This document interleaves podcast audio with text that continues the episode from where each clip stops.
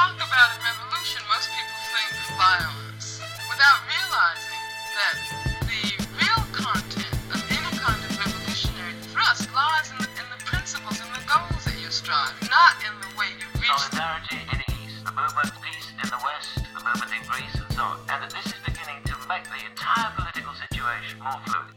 Emancypację. Podcast o społeczeństwach tworzących historię.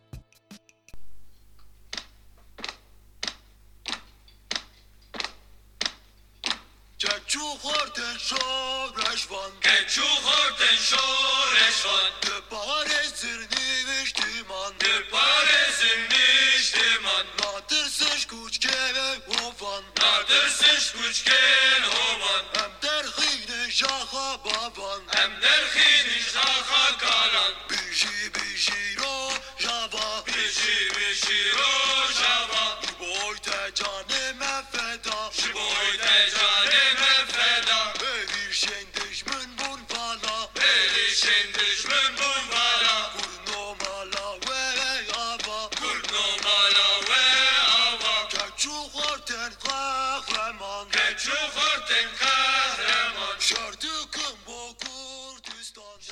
Cześć moje drogie i moi drodzy. To nasze 30 spotkanie, 30 odcinek emancypacji, w którym e, zajmiemy się tematem e, ważnym, e, w jakiś sposób popularnym w ostatnich latach, ale też takim, wokół którego narosło wiele pytań.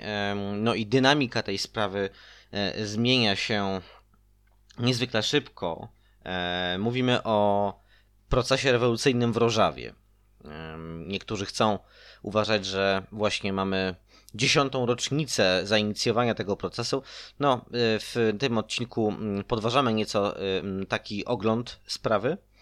Moim gościem będzie Rafał Rudnicki z y, Kurdystan Info. Mm, To już y, podczas y, wywiadu, który nagrałem nieco wcześniej, usłyszycie wszystkie niezbędne szczegóły a propos tej inicjatywy, no i oczywiście w samej kwestii rożawskiej mm, mm, będziemy się tutaj zanurzać. Może tylko słowem wstępu dodam, że pojawi się w nagraniu sporo różnych terminów, na wyjaśnienie których w sposób szczegółowy nie mamy czasu. Ja myślę, że e, wielu z Was zagadnienie rewolucji w Warszawie jest e, pewnie względnie dobrze znane, bo e, no to taka kwestia, która rozpalała wyobraźnię i chyba dalej rozpala wyobraźnię mm, szeroko pojętej lewicy na całym świecie, rozmaitych ruchów lewicowych, wolnościowych, no pełne spektrum polityczne, politycznej lewicowości w pewnym e, okresie przynajmniej patrzyło na Rozżawę, jeśli nie z e, nadzieją, to przynajmniej z mm, pewnym istotnym zainteresowaniem, no i rezonans e, idei tam przekuwanych jakoś w praktykę do jakiegoś stopnia przynajmniej jest duży. Więc słowa może tylko y, o tych y, różnych terminach, skrótach, które się pojawią. Jeśli ich y, macie problem z ich zrozumieniem, to tak tylko hasłowo wspomnę. E, SDF e, skrót oznacza Syrian Democratic Forces, czyli demokratyczne siły syryjskie. Chodzi o e, wojskową odnogę administracji w rewolucyjnym regionie północno-wschodniej Syrii, czy też Rożawy właśnie.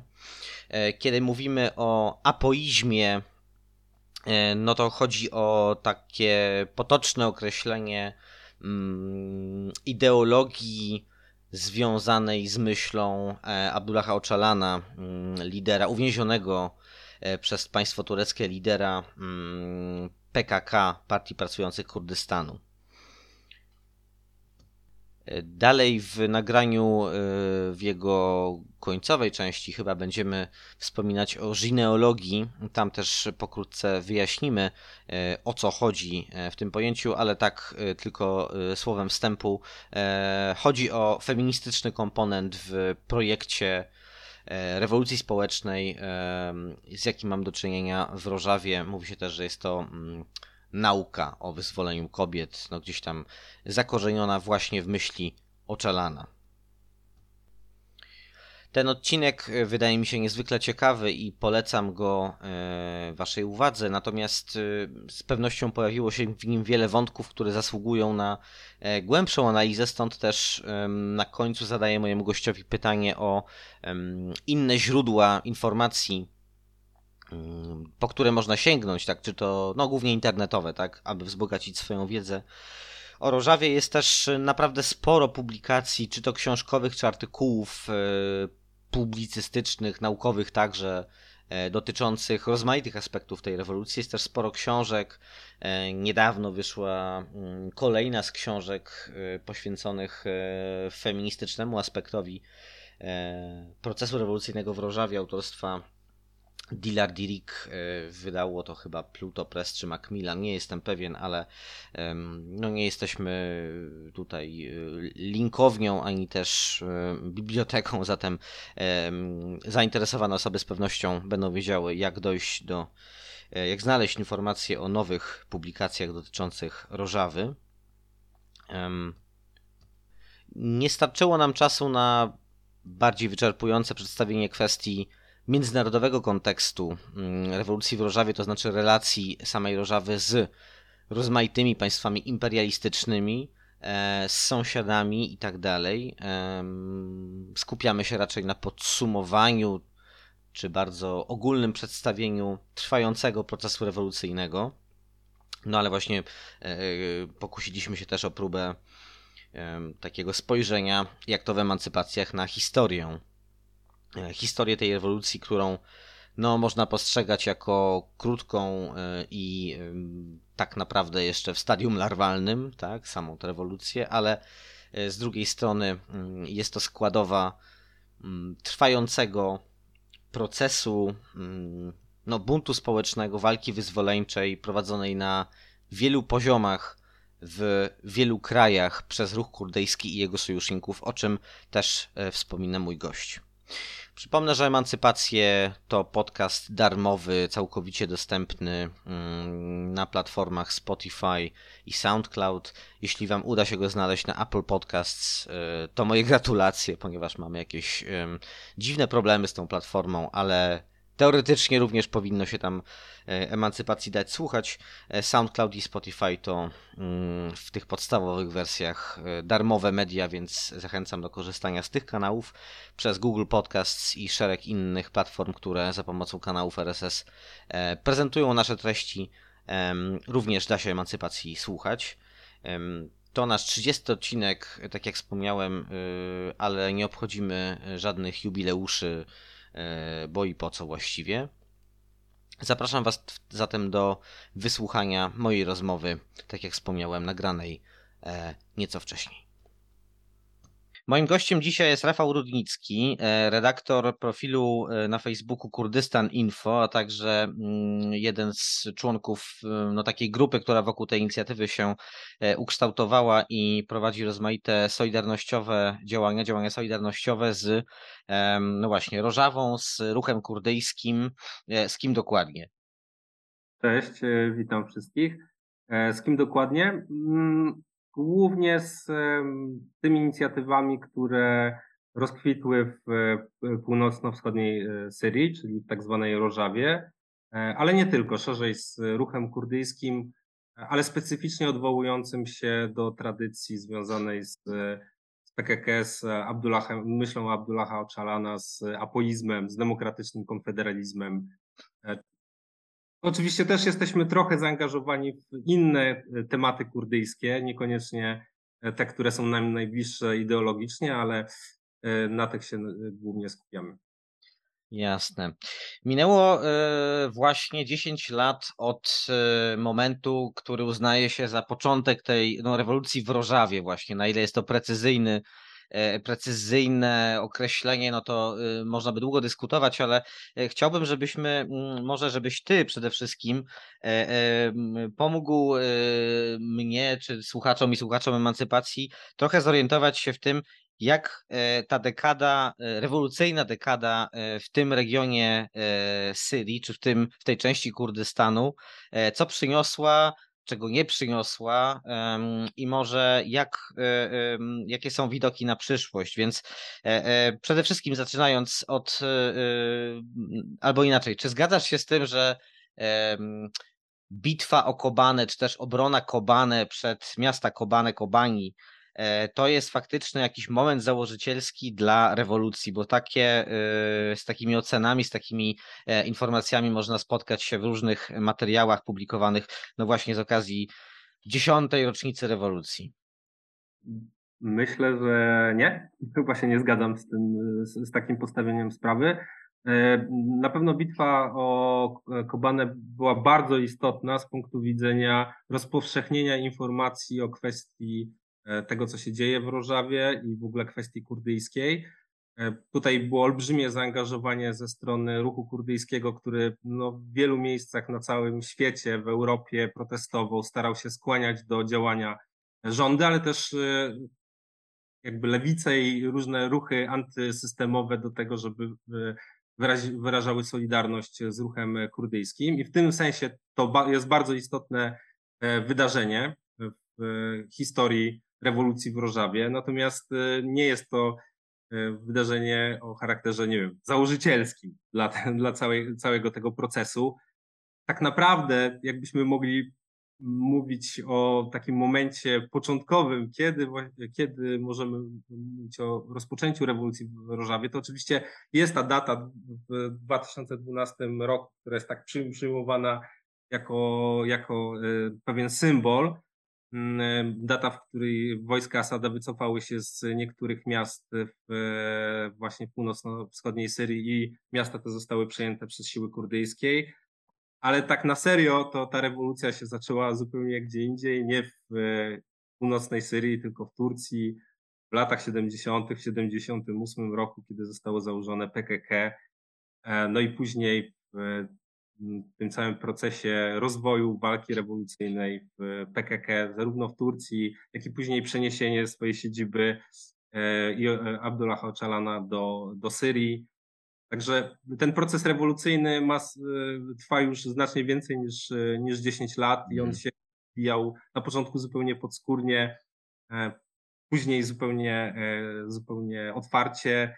No i wreszcie rzeczywiście ten, te, te wydarzenia w Kobane uzmysłowiły e, pewnie opinii publicznej, czy powiedzmy ruchom antysystemowym na całym świecie, że w ogóle coś się dzieje w północnej Syrii.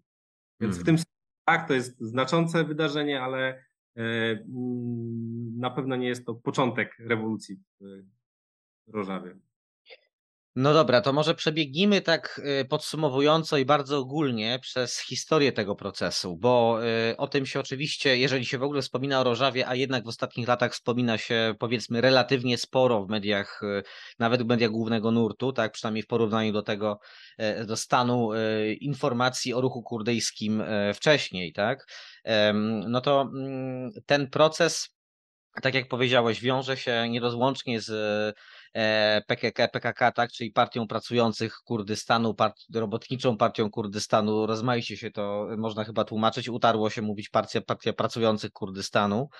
Em, I e, no, e, wiemy, że doszło tutaj do pewnych istotnych przewartościowań, różnych metamorfoz politycznych. To jest często omawiane, ale e, spróbujmy może przede wszystkim podsumować właśnie tę ewolucję ideową, ale też taką na poziomie praksis, tak? Tego, jak, jak to wygląda.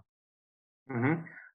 Należałoby zacząć od tego, że e, Partia Pracujących Kurdystanu powstała w latach e, 70., dokładnie jakby została sformowana w 78 roku, ale wcześniej, mniej więcej od roku 74, e, istniała jako bardziej nieformalna e, inicjatywa studentów, głównie studentów i uczniów e, kurdyjskich na tureckich uniwersytetach którzy, i to troszkę trzeba powiedzieć o tym, jak wyglądała wtedy w ogóle Turcja, prawda? To znaczy, Mhm. to był okres fermentu rewolucyjnego w Turcji, kiedy uniwersytety, czy szkoły średnie, czy zakłady pracy były miejscem bardzo um, intensywnej pracy ideologicznej, walki ideologicznej, e, w, dużym, w dużej mierze mm, inicjowanej, e, czy inspirowanej przez ruchy e, rewolucyjne w innych krajach tak zwanego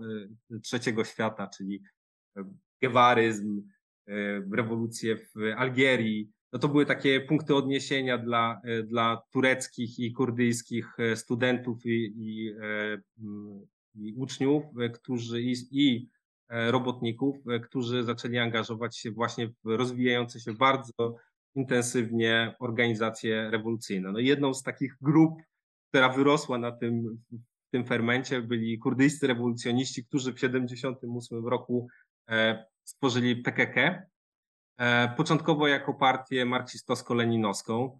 I ona tak prawdę powiedziawszy przez wiele lat miała taki bardzo silny e, nurt, była w takim bardzo silnym nurcie autorytarnym. Była to partia wodzowska. Do tej pory E, ta postać Abdullaha Ocalana jest, e, mm, ma dosyć specyficzne miejsce w całym ruchu, ale bardzo silnym e, poczuciem potrzeby walki o na początku właśnie wolny Kurdystan, wolny socjalistyczny Kurdystan. To był początkowy, początkowy cel działań PKK. I dopiero w tak naprawdę w momencie, w którym Abdullah Öcalan został pojmany w roku 1999, e, zaczęły następować gwałtowne zmiany również o charakterze ideologicznym. To znaczy już wcześniej, w momencie, kiedy, e, kiedy skończyła się zimna wojna, e, PKK PKK trochę e, ten marksizm-leninizm e, stracił charakter takiego głównego paliwa napędowego i następowało poszukiwanie jakiejś nowej tożsamości, ale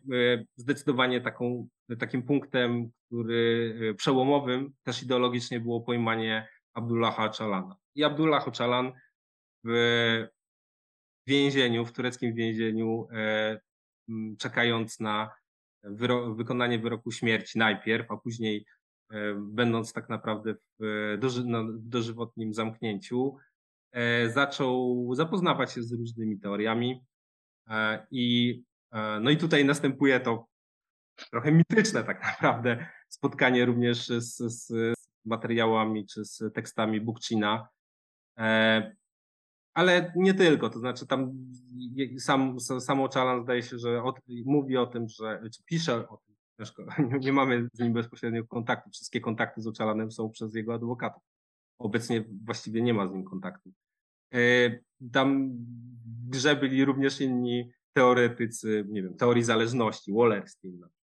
Więc e, następ, następ, nastąpiło przewartościowanie e, i zmiana paradygmatu. I ta zmiana paradygmatu doprowadziła do, mm, była takim oczywiście długim procesem, e, również różnego typu dyskusji wewnętrznych. W ramach tych dyskusji wewnętrznych dochodziło do starć ideologicznych. Część osób odeszła z PKK, ale ostatecznie e, ta, ten, parad, ten kształtował się nowy paradygmat.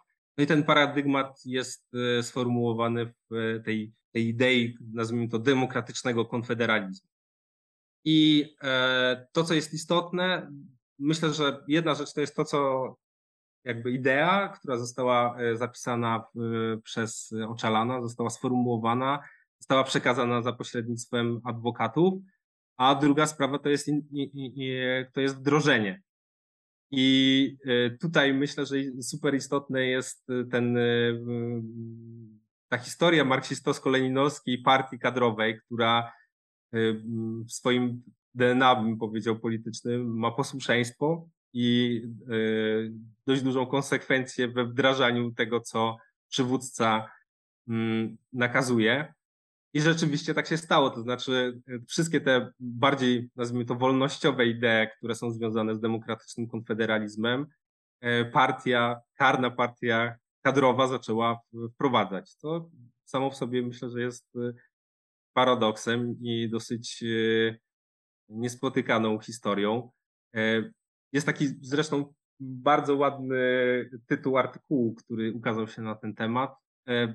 E, pomijam treść tego artykułu, natomiast w, tytule jest ze znakiem zapytania takie zdanie, czy marksistowski, stalinowski właściwie buldożer zmienił się w wolnościowego motyla. Pytanie, pytanie, które chyba sobie wszyscy, e, wszyscy sobie zadajemy, ale przynajmniej na poziomie ideologicznym tak to wygląda. Mhm. No właśnie, e, mówi się, że co prawda byliśmy w Turcji, ale teraz zrobimy przeskok do Rożawy. Może jeszcze za chwilę wrócimy do tego, jak ruch kurdyjski w różnych miejscach, e, jakie przejmuje formy i, i na jakim etapie powiedzmy jest jego walka w rozmaitych lokalizacjach, bo Kurdystan to przecież e, no, kraina i pojęcie tak bardzo szerokie o, o dużej rozpiętości geograficznej. Ale e, wróćmy może do tej e, esencji ideologicznej, to znaczy rewolucja w Rożawie, tak, czy też ten nowy paradygmat, jak mówisz, e, e, e, w ruchu kurdyjskim, tym związanym z tradycją PKK, e, opierać się ma na trzech filarach, tak, według Öcalana, to znaczy na tym właśnie rzeczonym demokratycznym konfederalizmie, na feminizmie, czy też wyzwoleniu kobiet oraz na e, komponencie ekologicznym. Em, wszystkie te trzy rzeczy są bardzo interesujące i bardzo dobrze wydają się odpowiadać na pewne współczesne wrażliwości, na pewne współczesne potrzeby również no, w zachodnich społeczeństwach, tak? E, W każdym razie te trzy elementy no, współzależne, tak, y, mają wyznaczać ten y, mm, y, no, trzon ideologiczny rewolucji. Jeszcze, prze- przepraszam, że ci przerwę. No. Tam y, y, też bardzo ważny taki komponent e, multietniczności. To jest y, właśnie bardzo ciekawe z punktu widzenia korzeni PKK, które się właśnie y, postulowało budowę państwa socjalistycznego, narodowego, kurdyjskiego. W tym paradygmacie jest dążenie do tego, żeby budować e, auto, autonomię w ramach jakichś struktur państwowych, które w tej chwili istnieją, ale ta autonomia ma mieć charakter multietniczny. No właśnie, bo y, tutaj y, też y, paradoks goni paradoks, bo z jednej strony właśnie ta e, e, sprzeczność między wcześniejszą, wcześniejszym przywiązaniem, bardzo mocnym e, przywiązaniem PKK do idei e, powstania państw- państwa narodowego socjalistycznego Kurdystanu. E, Teraz e, mamy to przewartościowanie w kierunku właśnie demokratycznego konfederalizmu, e, no ale także jeżeli chodzi o kwestię kobiecą, tak, mamy e, te, te wszystkie obrazki, tak, które obiegają świat e, oddziałów e, kobiecych e, e, w łonie JPŻ, tak? Kobiecych y, jednostek ochrony. Mhm. Tak, tak, tak.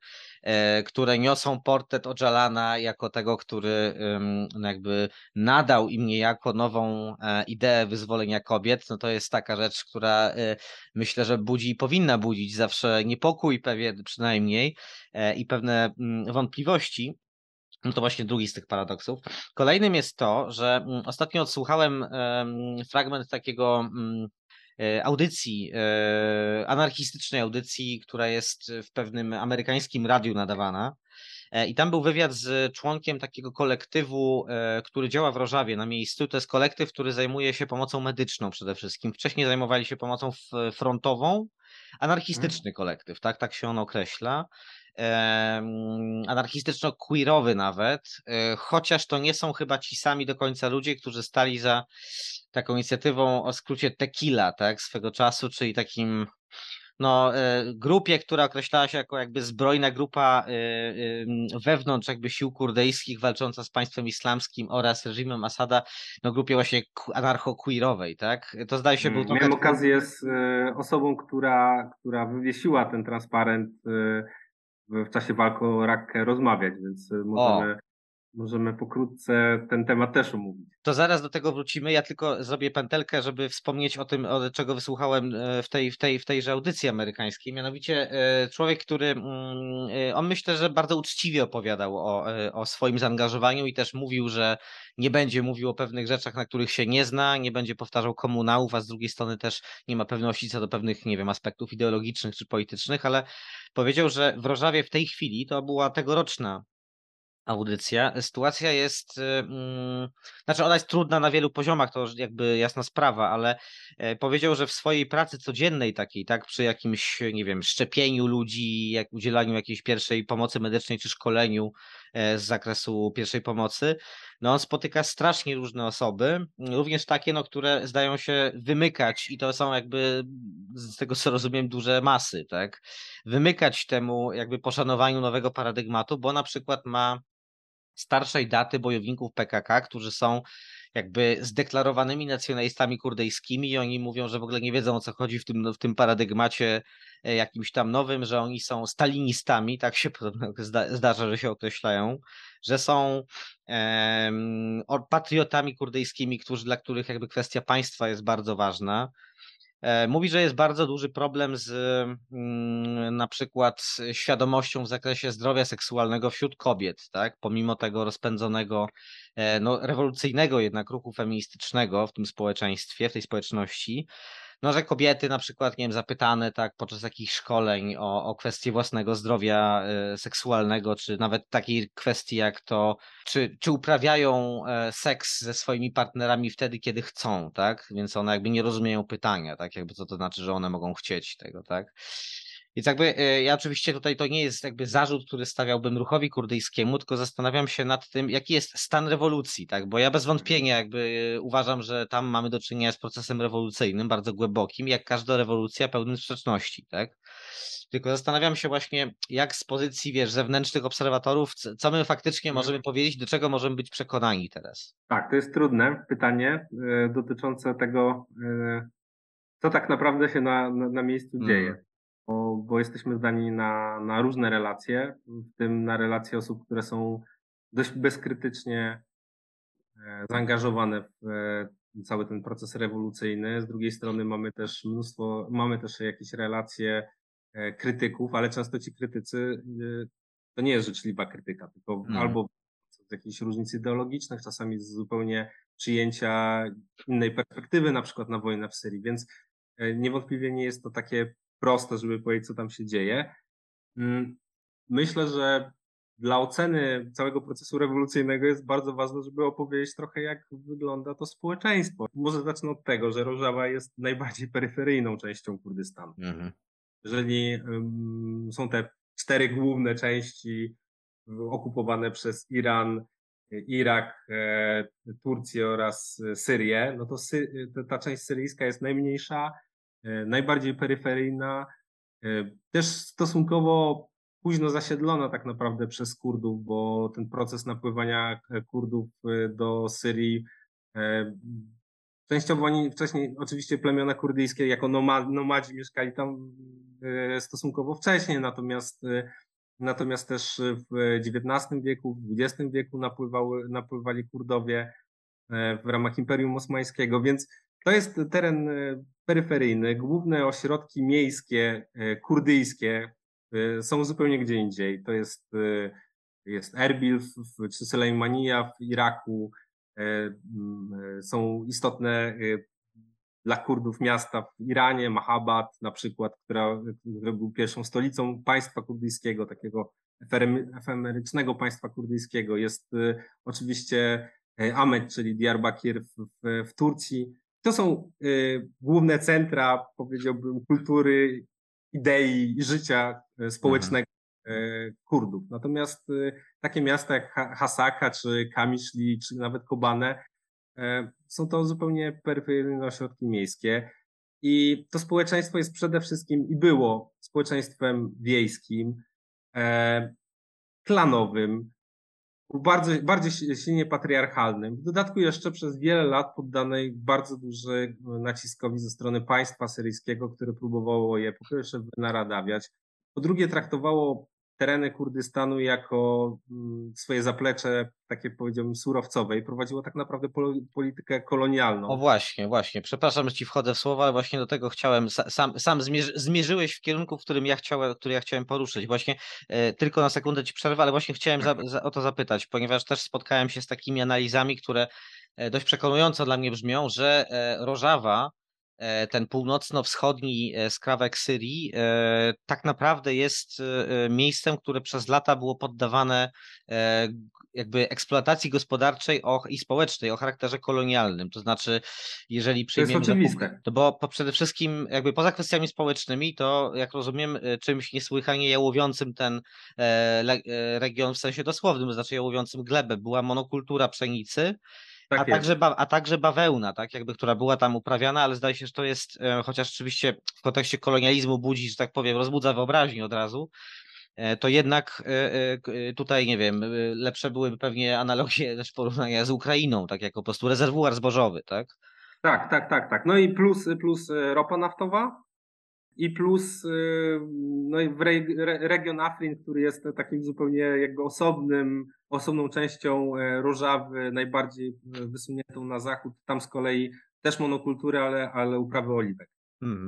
E, Natomiast wszelki przemysł oraz cała infrastruktura, która pozwala na przetwarzanie surowców, i to była świadoma polityka, znajdowała się poza, poza terenami stricte kurdyjskimi. Na przykład w, na obszarze Rożawy czy północno-wschodniej Syrii są bogate złoża ropy naftowej, rafinerie są na zachodzie Mm.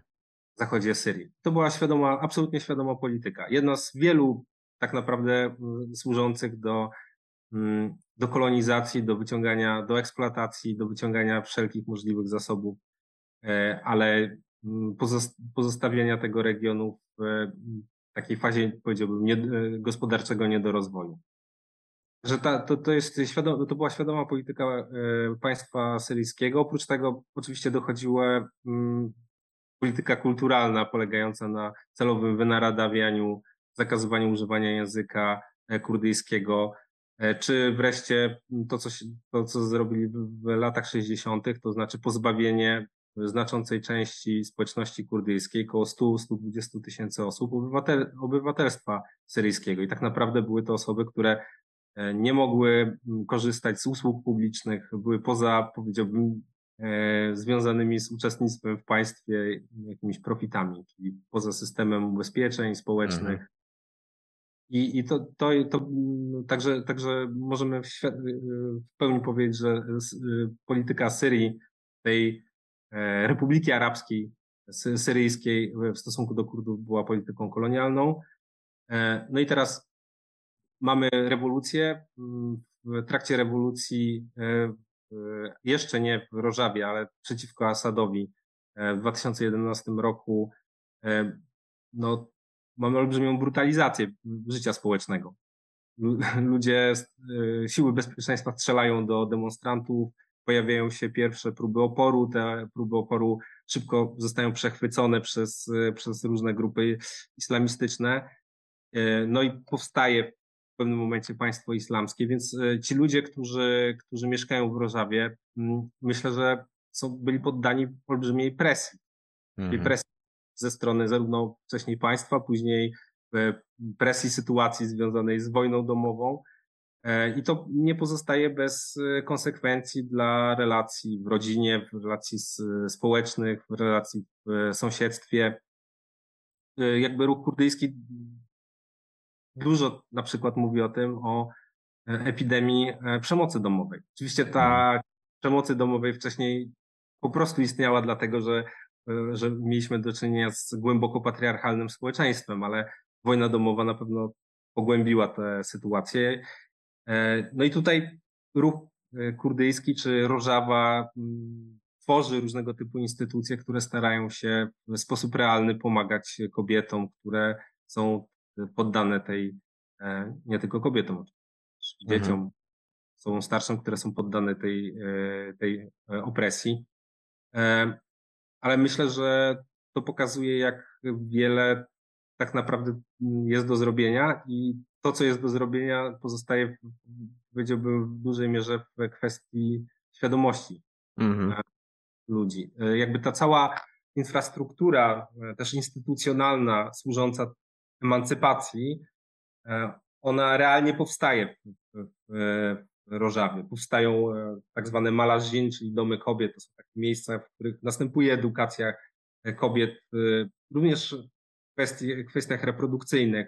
Są, to, są specjalne jednostki policji, które zajmują, asaiszy, służb bezpieczeństwa, które zajmują się e, kwestiami e, przemocy domowej. Są komitety, e, e, które służą do rozwoju e, ekonomii społecznej i kooperatyw e, kobiecych. Więc y, jakby od strony działań ruchu jest bardzo wiele różnych inicjatyw, ale Mhm. mówimy o bardzo długich procesach społecznych, które toczą się w, w ludzkich głowach. Czy sądzisz, że fakt, że w tej chwili w, em, No, czy też jest pytanie, czy tak jest, ale powiedzmy, że w Rożawie w tej chwili nie mamy wojny o wysokiej intensywności działań zbrojnych, tak, tak to nazwijmy. Oczywiście mamy stałe zagrożenie ze strony imperializmu tureckiego, o którym jeszcze za chwilę porozmawiamy.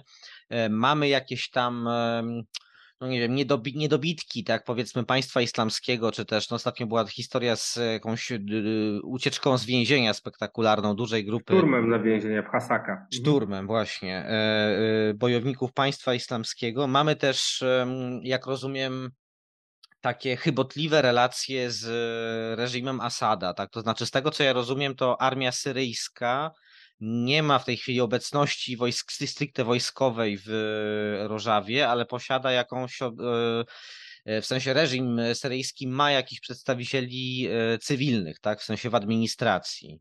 Nie, nie, nie, nie, nie, odwrotnie. To znaczy y, Aha.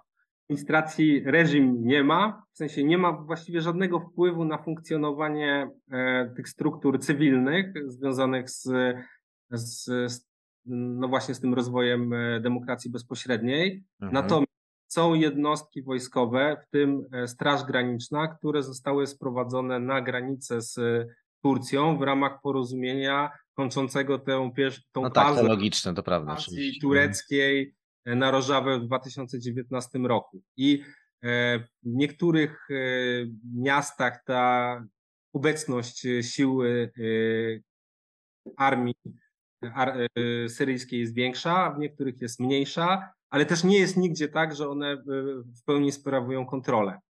Raczej ona jest symboliczna i stanowi taki gwarancję tego, że Turcja nie dokona pełnoskalowej inwazji, bo to by oznaczało rozpoczęcie również bezpośrednio wojny z państwem syryjskim. Zupełnie serio mówiąc, to jakimś tam zagrożeniem dla rewolucji w Różawie czuję, że jest na przykład militaryzacja. W tym sensie, że ten e, komponent militarny w postaci SDF-u może mieć jakby o wiele większe znaczenie niż ten komponent, e, nazwijmy to, e, społeczny, oparty na demokracji bezpośredniej. I Stany Zjednoczone, moim zdaniem, w sposób świadomy do tego p- prowadzą. To znaczy, wszelka dyskusja, która się odbywa pomiędzy Stanami Zjednoczonymi a e, Kurdami, odbywa się przede wszystkim z Mazlumem Abdi, który jest e, głównodowodzącym SDF-u, Mhm. E, I jakby też Stany Zjednoczone świadomie starają się jakby wzmacniać ten komponent militarny Militarny. Mhm.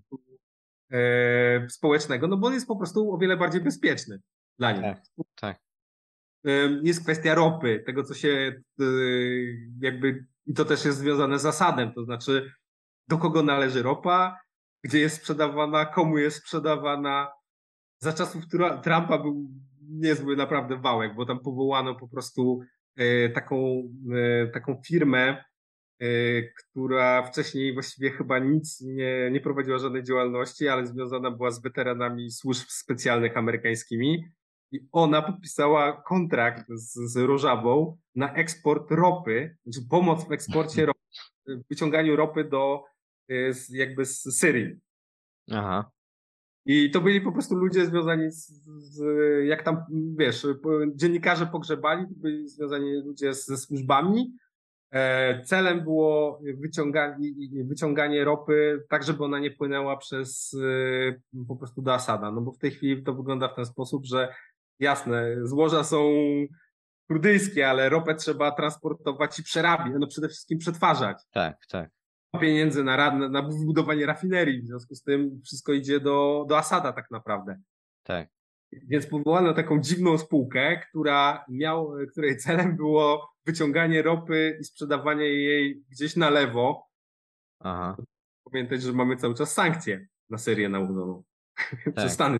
Więc poza tymi sankcjami po prostu wyciąganie jej i sprzedawanie gdzieś, gdzieś na lewo. Najprawd- I to naj, naj, najciekawsze jest to, że najprawdopodobniej by to było sprzedawane przez, y, uwaga, uwaga, przez y, KRG, czyli przez y, Kurdyjski Region Autonomiczny. A skąd, a gdzie trafia tam ta ropa później? Do Turcji. No właśnie, bo ty, chciałbym nawiązać do tej Turcji, tak, dlatego że y, wiele się wspomina o, znaczy relatywnie wiele mówi się o Rożawie, e, niekiedy wspomina się też o tym, że Kurdowie no, są tak trochę przerzucani, tak jakby e, przez jakby od jednego, czy rzucani od jednego obozu imperialistycznego do drugiego, muszą znaleźć sobie miejsce w tej bardzo trudnej układance, w której wszyscy są silniejsi od nich, tak, więc jakby heroiczny opór tak Kurdów e, no zawsze jest realizowany w jakimś kontekście też szerszych starć imperialistycznych, tak? E, no i teraz Turcja jest tym tradycyjnie wrogim i też najbardziej opresyjnym z tego co rozumiem chyba, tak? Jeżeli można tak powiedzieć imperializmem czy najdłużej opresyjnym w stosunku do reżimu, w stosunku do Kurdów, może najdłużej raczej, jeśli może nie najsilniej, zresztą pewnie to trudno tak naprawdę jednoznacznie ocenić, E, ale e, jak to jest, ponieważ w 2018 roku tak doszło do inwazji e, tureckiej na Afrin, tak, nie tylko na Afrin zresztą, tak, no ale Afrin jakby najbardziej ucierpiał w wyniku tej inwazji. Głównie, głównie na, to było, to tak. było głównie na Afrin. Mhm. Tak, i, i jakby no y, widmo inwazji tureckiej gdzieś tam cały czas majaczy, tak, w sensie dochodzi do jakichś potyczek, dochodzi do y, wymiany ognia, oczywiście do wygrażania sobie między y, Syrią a Turcją dyplomatycznego, Właściwie co to oznacza dla y, Rożawy? Czy ona funkcjonuje cały czas w warunkach jakby gospodarki i relacji społecznych y, doby wojny, czy to już jest jakby etap budowania czegoś w warunkach pokoju?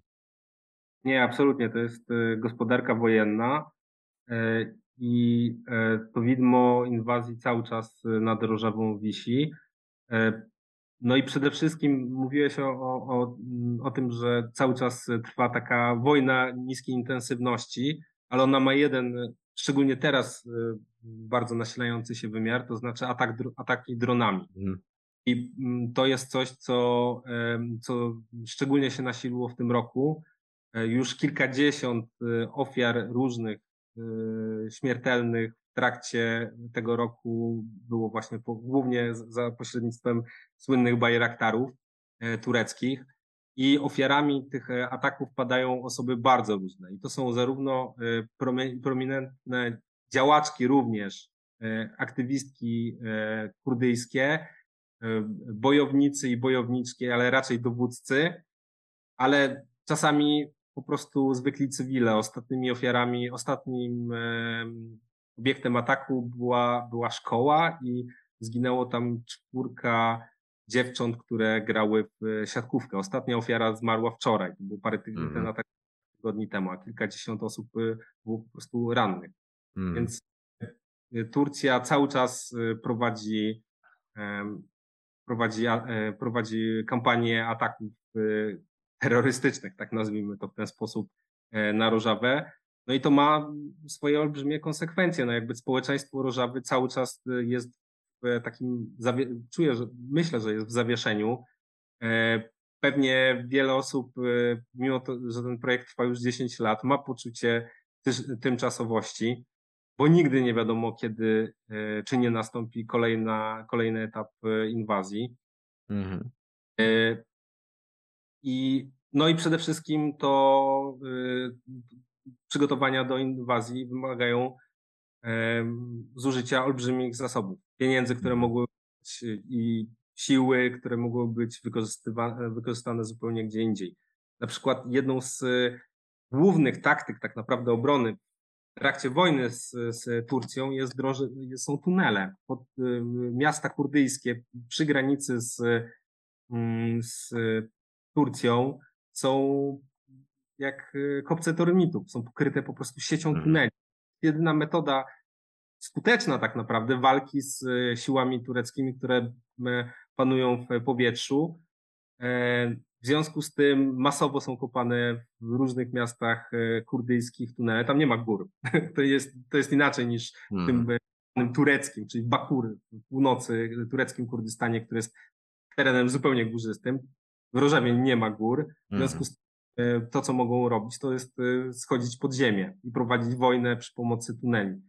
E, no, ale budowanie takich tuneli to są olbrzymie, to wymaga zaangażowania olbrzymich sił i środków. Teraz pomyślmy sobie, jak dobrze mogło, można byłoby te siły i środki wykorzystać dla rozwoju ekonomicznego e, Rożawy. Więc e, niewątpliwie ten cień e, inwazji e, odgrywa znaczącą rolę w rozwoju mm, Rożawy. Mhm. Ale jednocześnie. Mhm. Jednocześnie mamy też, no tak jak mówisz, wojna pochłania olbrzymiej ilości zasobów wszelkiego rodzaju. E, Z drugiej strony mamy też e, potrzebę e, no jakby odzyskania tego terenu, tej ziemi po prostu, tak jakby z spod ciężaru tego kolonialnego dziedzictwa i krzywdy, które, krzyw- krzywd, które zostały tam wyrządzone. Mm, e, Taka książka wyszła jakiś czas temu, Make Rojava Green Again.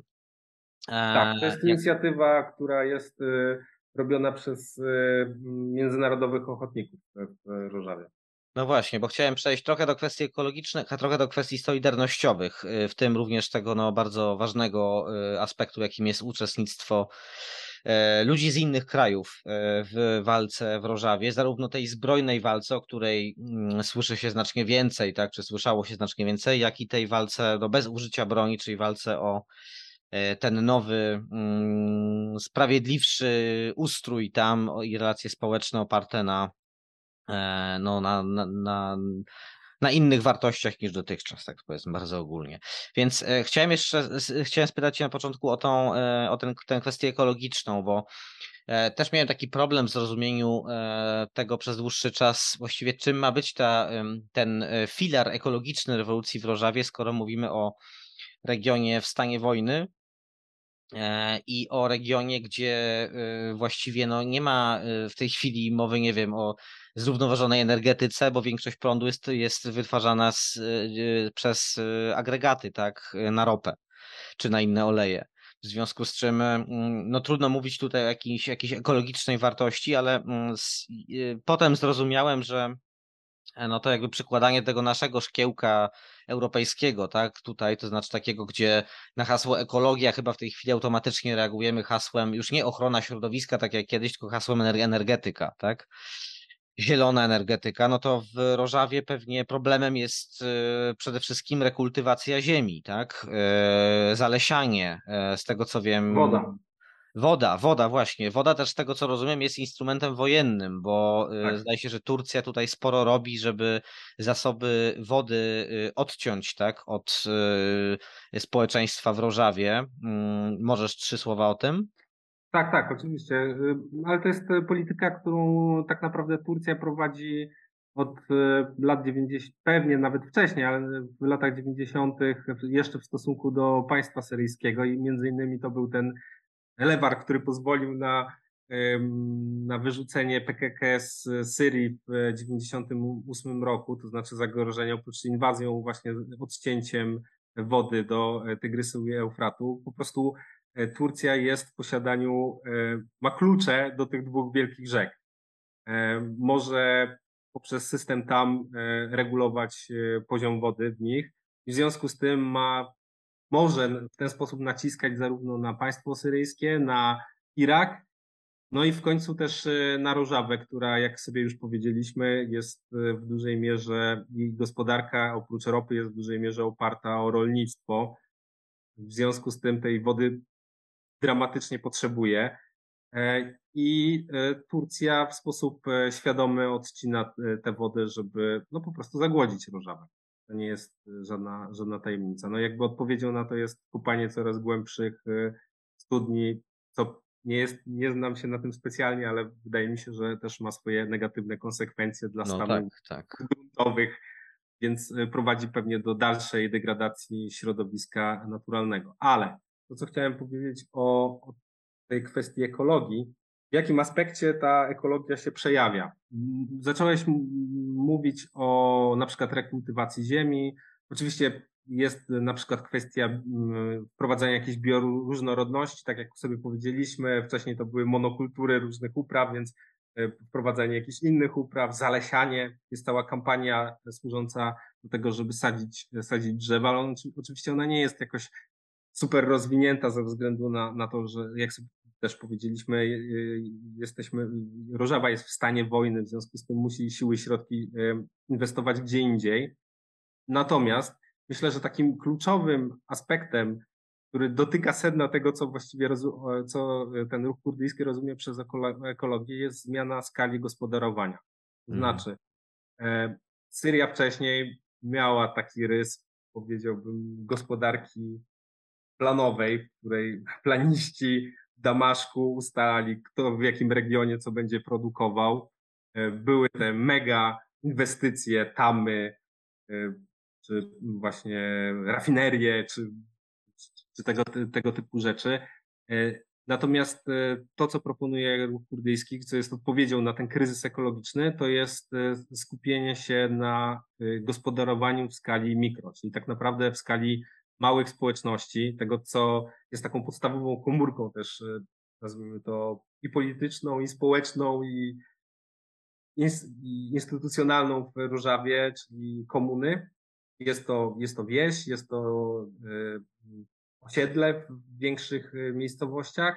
No i tam e, założenie jest takie, że osoby mieszkające mają poprzez udział w współdecydowaniu tak sterować również relacjami ze środowiskiem, żeby to było e, dla obopólnej korzyści. Czyli Mhm. prowadzić do ekstensywnej polityki, tylko do raczej równoważenia potrzeb środowiska naturalnego i człowieka, no bo to też w konsekwencji ma prowadzić do, e, do wyższej jakości życia po prostu ludzi. I myślę, że to- jest, to jest ten element, który chyba jest najbardziej bukcinowski w całej rewolucji. I Myślę, że on jest też autentycznie, autentycznie wdrażany, ale oczywiście biorąc pod uwagę, że cały czas, że mamy do czynienia z wojną. Na przykład mo, może się zdarzyć, tak, tak e, było na samym początku rewolucji w Rożawie, że e, potrzebą społeczności lokalnej, dramatyczną potrzebą było ogrzanie się. Mhm. W związku z tym to, co zrobiono, to wycięto znaczącą część drzew. Mhm. Ale teraz z kolei, co prawda, ogrze- ogrzewanie już jest e, poprzez agregaty, które sobie są oczywiście super szkodliwe dla środowiska, ale za to można już zalesiać. Więc, Mhm. więc e, mm, myślę, że myślę, że to jest po prostu problem tego, gdzie, gdzie jest Rożawa w sytuacji e, wojny, ale no właśnie ten wątek ekologiczny wydaje mi się, że najbardziej się jest wyrazisty właśnie w takim e, zmianie sposobu myślenia o tym, jak gospodarować. Wracając e, do kwestii, e, czy przechodząc raczej do kwestii solidarności międzynarodowej, ale nie, nie odpuszczając zupełnie kwestii ekologicznej, to zrobię taki może wstęp króciutki, że mm, ja z, zacząłem nabierać świadomości, że w Kurdystanie doszło do jakiejś istotnej zmiany ideologicznej w, w łonie ruchu. y, Ja, ja zacząłem jakoś mieć świadomość tego, nie wiem, tak pewnie z jakieś 12-13 lat temu, kiedy e, w sumie szukając czegoś zupełnie innego, trafiłem na mm, strony internetowe związane z wydawnictwem Kompas amerykańskim i, i e, e, Instytutem Ekologii Społecznej, czyli właśnie tym rozwijającym, kultywującym i rozw- rozwijającym myśl Mareya Bookchina, e, amerykańskiego anarchisty, który też zaliczył sporo wolt e, ideologicznych w swoim e, życiu akademickim i aktywistycznym. E, No a potem stał się jedną z istotnych inspiracji dla Ojalana i e, tego e, zmienionego PKK. E, No i pamiętam, że wtedy y, Janet Bill, która mm, teraz też jest e, autorką ważnych tekstów, też bywała w Kurdystanie e, i bywała też wtedy w tym Kurdystanie, no to, to był taki moment, kiedy ona właściwie zerwała z tym, towa- z tym środowiskiem. Em, Ona to była też partnerka, tak, Mareja Bukcina, z tego co rozumiem, kiedy on jeszcze żył. I ona, to był czas, kiedy te 12-13 lat temu, kiedy ona jakoś tak się dystansowała trochę od tego, mm, od tego środowiska, ale potem chyba widząc, że e, trochę z zaskoczenia, tak być może dużo się dzieje wokół tej myśli i że, i że to zaczyna być e, coś innego niż tylko e, teoria spisana na kartach rozmaitych książek, e, ale idea rewolucyjna w praktyce, no to e, e, zaczęła być znowu jedną z propagatorek e, no, tych zmian, które dzieją się, z popularyzatorek też wiedzy o tym, co się dzieje w Rożawie czy w Kurdystanie w ogóle szerzej. E, Potem mieliśmy mm, wojnę domową w Syrii, e, czy domową, no wojnę w Syrii powiedzmy, tak, tutaj wielowektorową, wielowektorowy konflikt zbrojny. Em, którym no, kwestia kurdyjska stanęła jako jeden z ważnych e, elementów i też zyskała no, nowe życie w obiegu międzynarodowym, informacyjnym obiegu międzynarodowym. E, to wywołało oczywiście falę różnych e, solidarnościowych reakcji, także kontrreakcji, ale no, zrobiło się głośno przede wszystkim o tym w aspekcie militarnym, tak? to znaczy te analogie do brygad międzynarodowych 1936 roku i tak dalej, ten Międzynarodowy Batalion Wolności, a także z tego co rozumiem druga podobna grupa głównie złożona z tureckich, z tureckich bojowników solidaryzujących się z Kurdami, istniejąca w, w, w łonie sił kurdyjskich czy też syryjskich sił demokratycznych, jak dzisiaj się nazywa, tak, ten, no ta formacja zbrojno-polityczna, no właśnie, to też swego czasu zaczęło wywoływać mm, rozmaite tam porównania do e, zapatystów, tak, do powstania zapatystów w e, e, tego 94 roku, tak, które wywołało również falę międzynarodowego zainteresowania, czy to akademików, czy to no, ludzi, którzy chcieli tam jechać, pracować wspólnie z zapatystami. Według mnie te analogie są trochę, y, znaczy one być może na poziomie PR-owym, tak, i pewnej ogólnej politycznej wymowy one są zasadne, ale jak się wejrzy w rzeczywistość społeczną, to może nie do końca. Natomiast e, powiedz, jak to jest z tą solidarnością w tej chwili, to znaczy wtedy, to znaczy y, y, z tego co rozumiem, Międzynarodowy Batalion Wolności, do którego zaciągnęło się no, dużo różnych mm, lewicowych aktywistów z, także z Zachodu, z tego co rozumiem, on chyba nie istnieje już w tej formie, w jakiej istniał wcześniej, tak? E, przyznam ci się szczerze, że akurat e, ten wątek mnie tak mnie interesuje, w sensie to zaangażowanie militarne. Mhm. Ciężko mi powiedzieć, czy on w tej chwili istnieje, czy też, czy też nie. Wiem, że bardzo dużo osób tam jeździ. Mhm. W sensie jest, jest taka inicjatywa międzynarodowej komuny i to jest no, pewnego rodzaju taka szkoła, bym powiedział, apoistowska, e, który, do której e, ludzie z e, ruchów lewicowych z Europy, ale też z całego świata, bym powie, chyba można tak powiedzieć, mhm. idą na takie dłuższe kursy, tak, znaczy na dłuższy, na dłuższy pobyt. Mhm. To zaangażowanie militarne teraz ochotników wydaje się, że wygasło, tak czuję. E, chociaż oczywiście e, cały czas e, w Rożawie mają swoje bazy różne tureckie organizacje rewolucyjne, o których wspomniałeś. Tak. Bo to jest w sumie dosyć ciekawa historia związana z właśnie re, wzajemnymi relacjami PKK i, i lewicy tureckiej, że mm, jesteśmy teraz w takim momencie, w którym to PKK jest starszym bratem. -hmm. To te wszystkie organizacje, które w latach 70. były znacznie silniejsze od, y, od PKK, w tej chwili są tak dogłębnie rozbite, podzielone, że mm, właściwie, żeby jakkolwiek funkcjonować, a one starają się organizować, działać i nawet prowadzić jakieś y, działania takie protopartyzanckie, musiały się z, z, wejść w taki sojusz y, z, z PKK, ale to nie jest sojusz równy. Jasne. Więc, y, więc tak, myślę, że y, tak jak powiedziałeś, przez długi czas, znaczy przez, y, szczególnie w okresie walki z państwem islamskim, Rożawa było miejscem, do którego zjeżdżali, zjeżdżali osoby chcące walczyć po stronie kurdyjskiej, ale też z różnych, z różnych, posiadające różny background ideologiczny, to trzeba powiedzieć. Oprócz e, anarchistów czy lewicowców byli też tam fundamentaliści chrześcijańscy również, e, którzy po prostu chcieli walczyć z islamem. Byli, były osoby, które po prostu uważały, że to jest ciekawa przygoda, no tak wprost mówiąc. Mhm. Teraz przykład dość, e, ostatnio była taka historia związana z wojną w Ukrainie, gdy jeden z ochotników e, został złapany, walczących po stronie ukraińskiej z, z inwazją rosyjską i jest to weteran walk w Różawie. Mm. Brytyjczyk, więc, więc e, takich historii walcz, ludzi, którzy z, jeżdżą z jednego konfliktu do drugiego jest na pewno, na pewno dużo.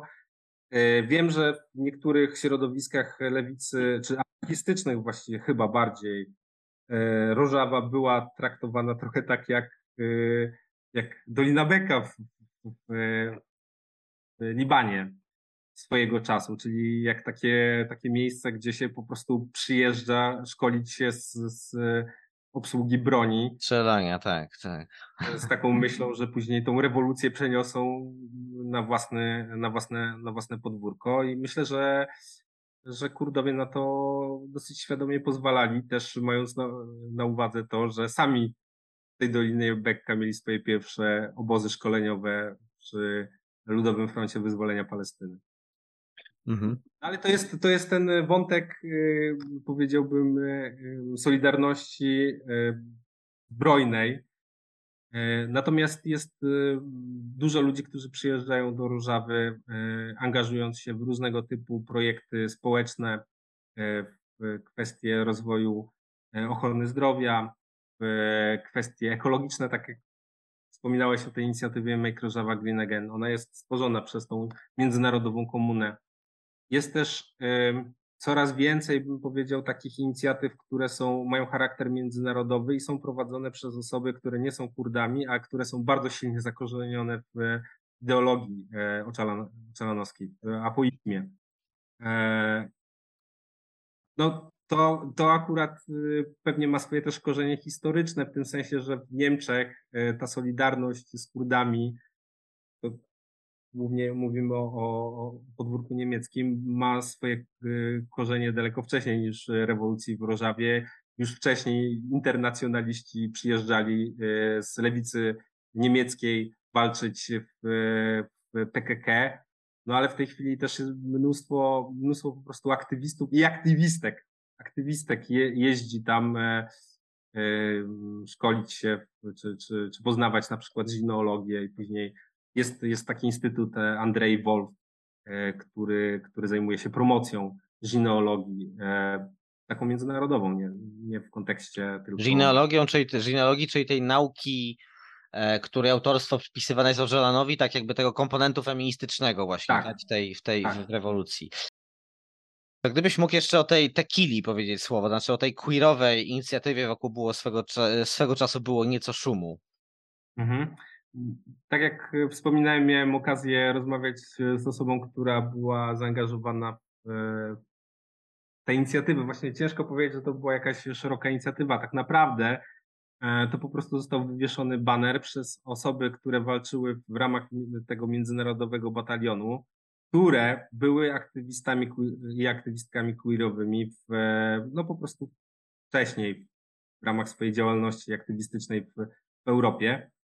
E, ten baner został wywieszony trochę prowokacyjnie i spotkał się z e, mm, taką dość dużą reakcją, ale niekoniecznie pozytywną. To y, też mówię o, o niekoniecznie pozytywnej w ramach, w ramach tego ruchu kurdyjskiego. To znaczy e, dowództwo SDF, tak jak przynajmniej mi to ta osoba relacjonowała, poprosi, poprosiła, że, żeby więcej już tego nie robić, tego baneru już więcej nie pokazywali. Przy czym jakby tłumacząc się, że oni nic przeciwko prawom osób e, LGBT plus nie mają, e, no ale może to zostać e, źle odebrane, szczególnie w sytuacji, kiedy walka toczy się o Rakkę i o region, który nawet e, w kontekście Syrii był super konserwatywny Mhm.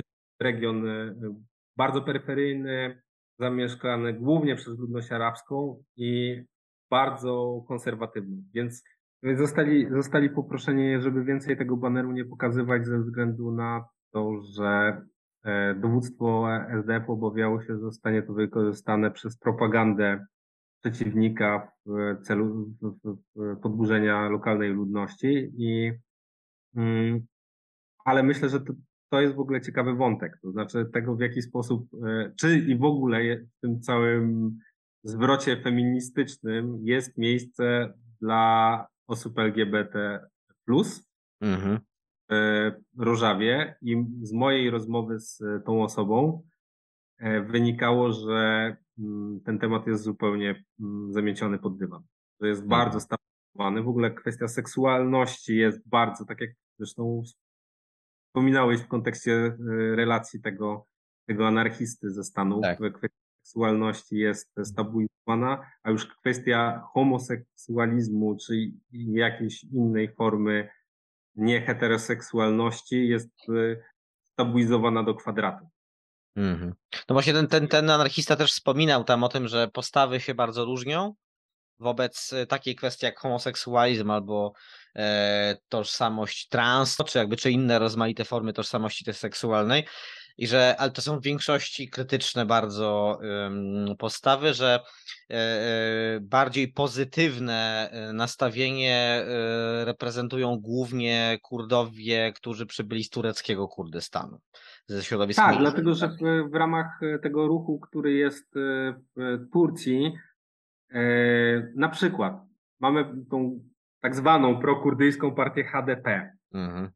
E, HDP, tak naprawdę HDP jest oprócz tego komponentu e, kurdyjskiego, jest też komponent, e, nazwijmy to turecki. Ten komponent turecki to jest konglomerat różnego typu ruchów społecznych, miejskich, ale również działających na rzecz praw osób LGBT, które są w ideologicznym sojuszu z Kurdami.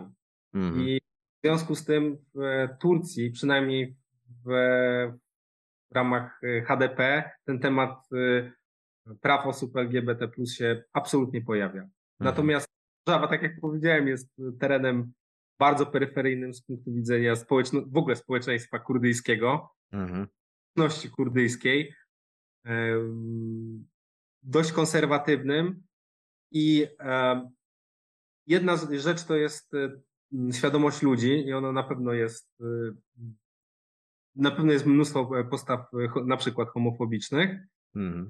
Druga kwestia to jest e, czy ten temat jest ruszany jakkolwiek przez, przez instytucje, przez e, Mhm. ruch. I przynajmniej z tej roz- mojej rozmowy wynikało, że, że nie, że to jest Mhm.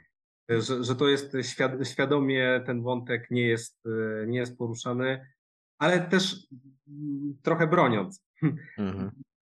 Równie, to, to widać też również w e, kwestiach e, kobiecych, że e, w różnych miejscach Rożawy też e, e, ruch kurdyjski, czy ten ruch apoistowski wie, że sobie może pozwolić na mniej albo na więcej.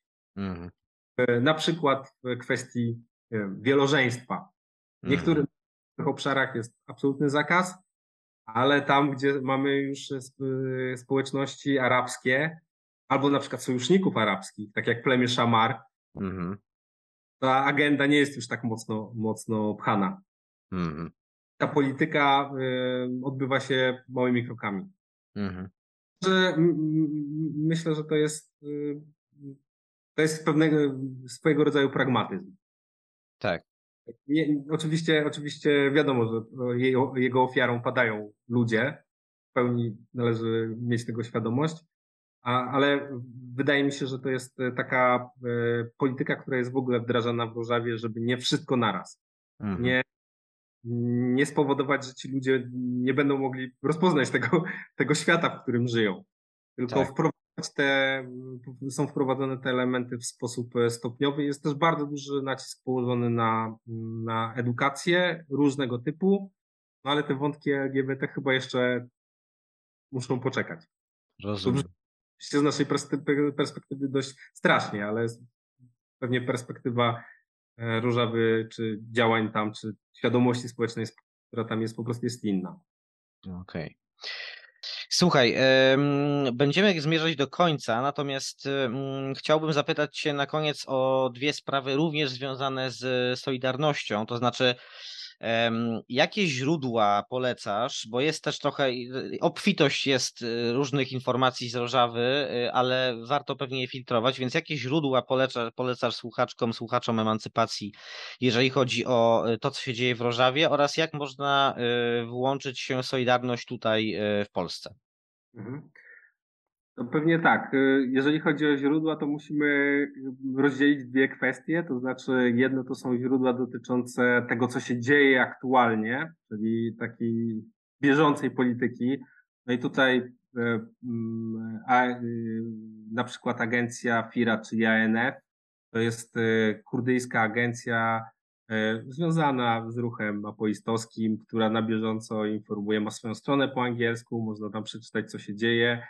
W tej chwili jest e, podcast Media News, bardzo polecam i to jest, e, oni e, publikują codziennie taki 10-minutowy skrót tego, co się dzieje w kwestiach kurdyjskich, nie tylko w Rożawie, ale też na, e, na całym świecie.